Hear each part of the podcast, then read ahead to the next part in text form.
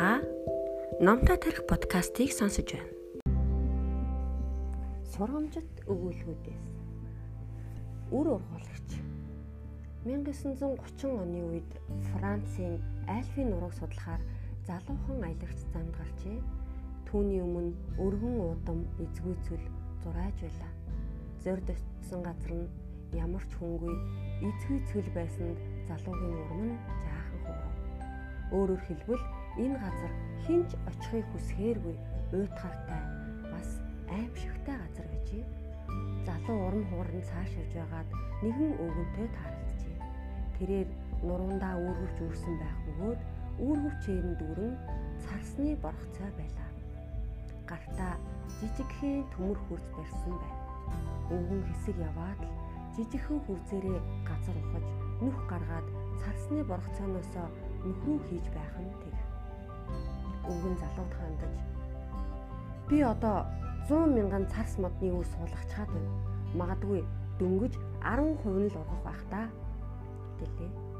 Өвгөнтөө хэсэг ярилцах үедээ залуу түүний ихнэр хөвгүүд нь нас барсан болохыг олж мэджээ. Өвгөн надад амьдрах хугацаа бага үлдсэн.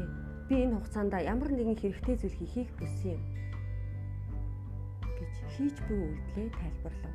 Үүнээс 25 жилийн дараа аялагч залууд өнөөх хөнгүү зилүүд цөлд дахин очих боломж олджээ. Харин тэнд очиод залуу үнэхээр гайхаж харж байгаа зүйлдээ итгэсэнгүй. Эзгүй зилүүд байсан газрын оронд өтгөн сайхан царс модон ой бий болсон байв.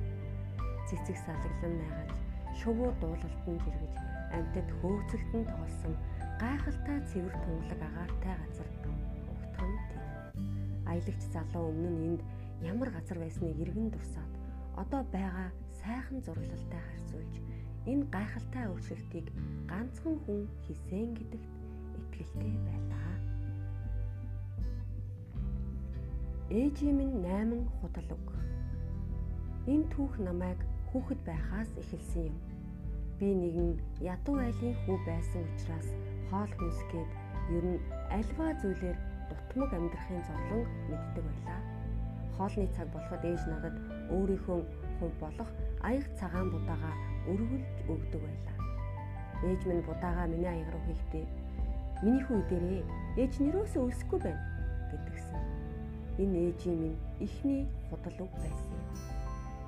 Намайг том болох үед ээж минь надад тижээлэг хоол хэрэг болно гэд завтаа үедээ үргэлжил гол руу явж загас барьдаг байлаа.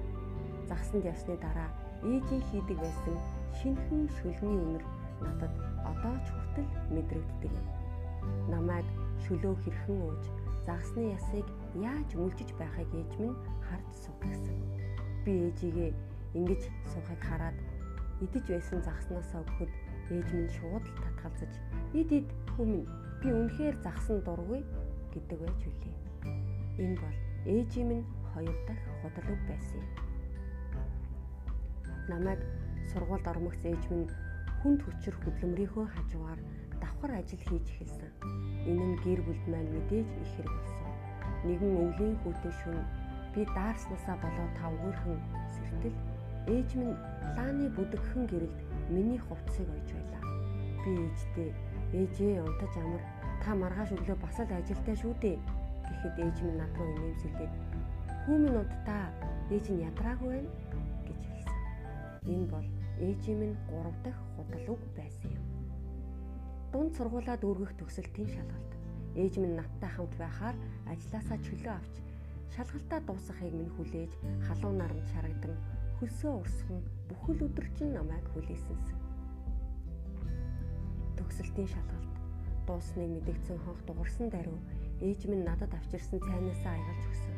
Над руу баяртайгаар харж хөлсөн насгарсан ээжигээ би өрөвдөж аягтай цайгаа өгөх гэсэн боловч "Уу хүү минь уу, ээж нь цангаагүй байна" гэж билээ. Энэ бол ээжийн минь дөрөв дэх худал үг байсан юм.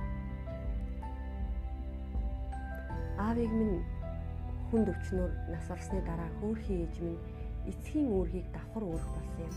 Тэр бидний төлөө ганцаараа зүтгэж хэлсэн амьдрал маань улмалд ордож байсан ч ээж минь цөхрөөгүй.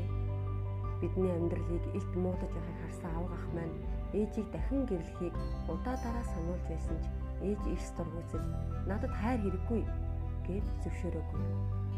Энэ ээжийн минь тав дахь худал үг байсан юм. Дээд сургуулаа төгссөний дараа би ажилд орж хөөрхий ээжигээ амраах боломж ирсэн.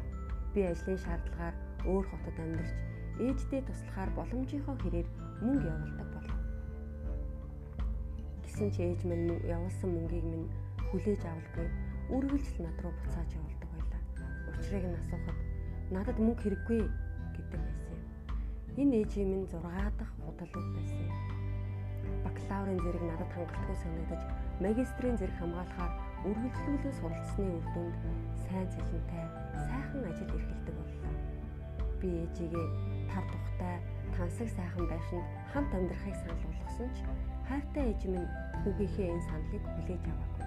Тэр надад таалагдахгүй байна гэж хэлсэн юм. Энэ ээжийн минь долоо дахь худал үг байсан юм. Ээж маань амьдралын жамаар хөгшөрч ходоодны хорт тавдартай болсон нь миний амьдралын хамгийн хүнд үе байлаа. Хитгэн бэрийн зайтай амьдрдагч хөөхий ээждээ тэр бүр очиж чаддгүйдээ харамссаар төрж өссөн ээжийнхээ гэрт очлоо.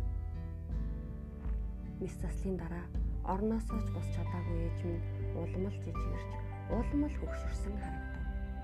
Ээж минь хүүгээ хараад инээмсэглэж байсан ч харцнаас нь зөвөр шаналгаа мэдрэгдэж байсан юм. Ээжигээ тийм өрөвдөлтөй байхыг хараад зүрхмэн шархалж нүднээс нулимс хасгарлаа. Миний ээж намайг хараад битгий уйл хүү минь би огт өвдөхгүй байна гэж хэлсэн байт.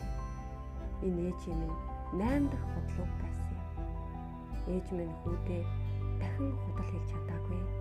Учир нь миний хайрт ээж энэ үгнийхээ дараа намайг үүр дөрхөн явсан юм. Та Номтой тарих подкастыг сонсож байна.